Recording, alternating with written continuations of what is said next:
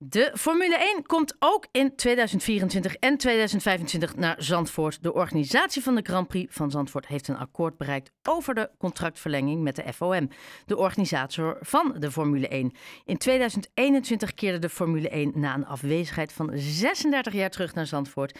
Afgelopen zomer werd al duidelijk dat de Formule 1 graag langer in Zandvoort wilde blijven. En dat is nu dus officieel. Robert van Overdijk, goeie uh, ja, nee, middag is het nog. Ja, nou, goedemiddag. Goedemiddag. Nou, fijn dat je alsnog te pak hebt gekregen. Ik begreep, ik dacht nog, jullie zijn het nu al aan het vieren, maar je was heel druk met internationale media. Internationale media die, uh, net zoals jullie, uh, heel graag vragen wil stellen. ja, wat was hun voornaamste vraag? Of wat was hun voornaamste reactie eigenlijk? Nou, eigenlijk waar ze mee beginnen uiteraard is ons feliciteren, maar ook wel enigszins verbazing uitspreken in de zin van dat wij uh, die concurrentieslag met allerlei wereldsteden die op de kalender willen blijven of erop willen komen, ja, dat, we die, uh, dat we die test blijkbaar gewoon uh, makkelijk doorstaan. Makkelijk is niet het juiste woord.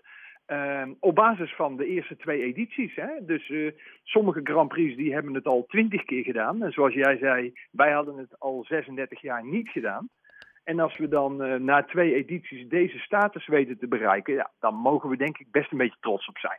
Ja, en, en wat een van de, of als niet de voornaamste reden is dat de organisatie uh, jullie inderdaad vanuit alle gegadigden wederom uh, de edities hebben gegeven, is omdat ze enorm onder de indruk zijn van jullie duurzaamheidsaanpak. Was dat ja. inderdaad ook een van de doorslaggevende factoren, als niet de doorslaggevende factor?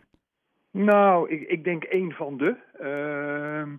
Formule One Management heeft natuurlijk ook zijn eigen doelstelling met het hele Formule 1 circus. Dat ze in 2030 uh, carbon free zijn. Ja. Uh, en ik denk dat wij ze enigszins hebben geholpen in het feit dat wij natuurlijk een aantal jaar geleden al riepen dat wij de groenste Grand Prix op de kalender wilden zijn. Uh, maar na, naast dat stuk, wat natuurlijk vooral tot uiting komt in het mobiliteitsplan, hè, afgelopen jaar uh, regulier publiek 0% met de auto. alleen maar teams en, uh, en officials. heel veel mensen op de fiets met de trein. Ja, daar hadden we natuurlijk in de eerste editie al indruk mee gemaakt. Maar waar ze ook over te spreken zijn is de koppeling met de lokale economie, de, de spin-off, ons sociale domein wat we claimen. Dus ik denk dat wij op een aantal vlakken, fan engagement, entertainment, en dat, dat heeft Stefano Domenicali CEO van FOM ook gezegd in het persbericht. Ja, daar hebben wij wel binnen de F1-wereld een, een, nieuwe benchmark gezet. Ja, en, en uh, je zei net hè, dat de internationale media was verbaasd. Waren jullie zelf ook verbaasd? Nee, niet. Hè. Kijk, je, je, we weten natuurlijk hoe dat we erop staan bij Formula One Management. En uh, de internationale media, zeker na de eerste editie vorig jaar, maar ook afgelopen jaar, had natuurlijk al een beetje de loftrompet over ons uit uh, laten schallen. Uh, Dus we, we, wisten dat we er goed op stonden. Alleen, uh, we zijn wel een organisatie die het met drie private partijen organiseert, zonder dat daar een overheid groots achter zit. Hè. En als je kijkt, uh, die wereldsteden die op de kalender willen komen, Madrid, Buenos Aires, komend jaar Las Vegas, ja, die hebben een overheid achter zich staan die er heel veel voor over heeft om op die kalender te komen. Ja, en dat, in Nederland werkt dat net iets anders. Dus uh, des te knapper dat het ons dan toch lukt om op die kalender te blijven.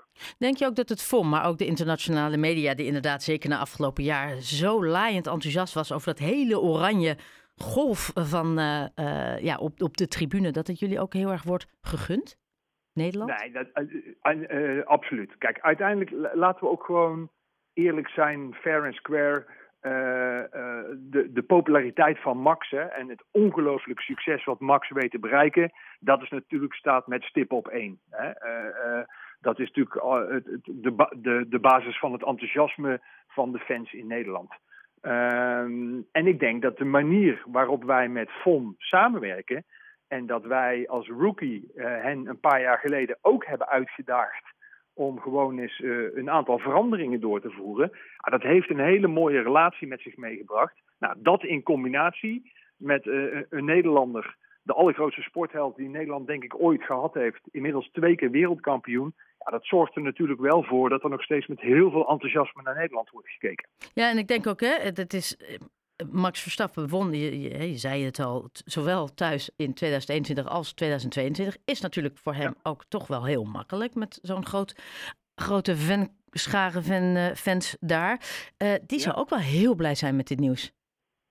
Nou ja, kijk, uiteindelijk uh, heeft Max altijd gezegd dat hij uh, twee uh, thuiscircuits heeft. Hè? Dat is Spa-Francorchamps en, dat Ja. is, en dat is Nederland. gelukkig, zeggen wij als buren, staat Spa ook komend jaar nog op de kalender. Of dat dat daarna zo is, dat is natuurlijk nog maar de vraag. dus daar zijn wij blij mee. En, en, en hoe meer Nederlanders Max dicht bij huis kunnen zien, des te, des te mooier en leuker is dat natuurlijk. Ja, en dan, hoe gaan jullie de komende jaren invullen? Komen er nog verrassingen of aanpassingen? Of is het eigenlijk een herhaling van zetten? Ja, de, de, de, herhaling van zetten past niet bij ons. Dacht ik, ik al. dat we anders ook naar, op een hele andere manier naar het evenement zouden hebben gekeken, al jaren geleden. nee, van ons hoeft het evenement niet nog groter, om het zo maar te zeggen. Hè. Dus ik denk dat we wel gewoon aan onze maximale capaciteit zitten. Maar we leggen op al die onderdelen leggen we de lat wel weer een stuk hoger. En of dat het nu is op gebied van entertainment of fan engagement, op gebied van duurzaamheid. Je wilde net zeggen. Uh, Sociaal-economische uh, uh, pijlers. ieder jaar moet er wel weer gewoon iets gebeuren wat impact heeft.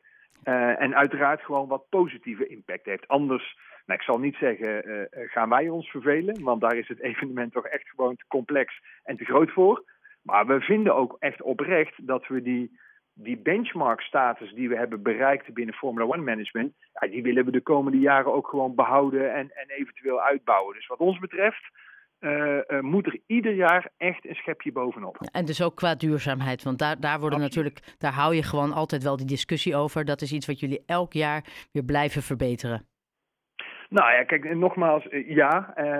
en niet omdat anderen ons daarop bevragen, hè, wat hun goed recht is, maar ook omdat we dat gewoon, omdat we daar intrinsiek in gemotiveerd zijn. Hè. Dus we hebben dat laten zien met het mobiliteitsplan. Uh, we hebben dat ook gewoon nog plannen op gebied van afvalmanagement, plastic uitbannen, stroomcapaciteit, dat soort zaken. Dus de komende jaren, de drie edities die we nog hebben te gaan, steken we ook zeker in op de lat hoger leggen op duurzaamheidsvlak. Uh, Robert van Overdijk, ik uh, eindig waar de internationale media mee begon. Uh, van harte gefeliciteerd met dit heugelijke nieuws. Dank je wel voor je tijd. Dank je wel. Dank je.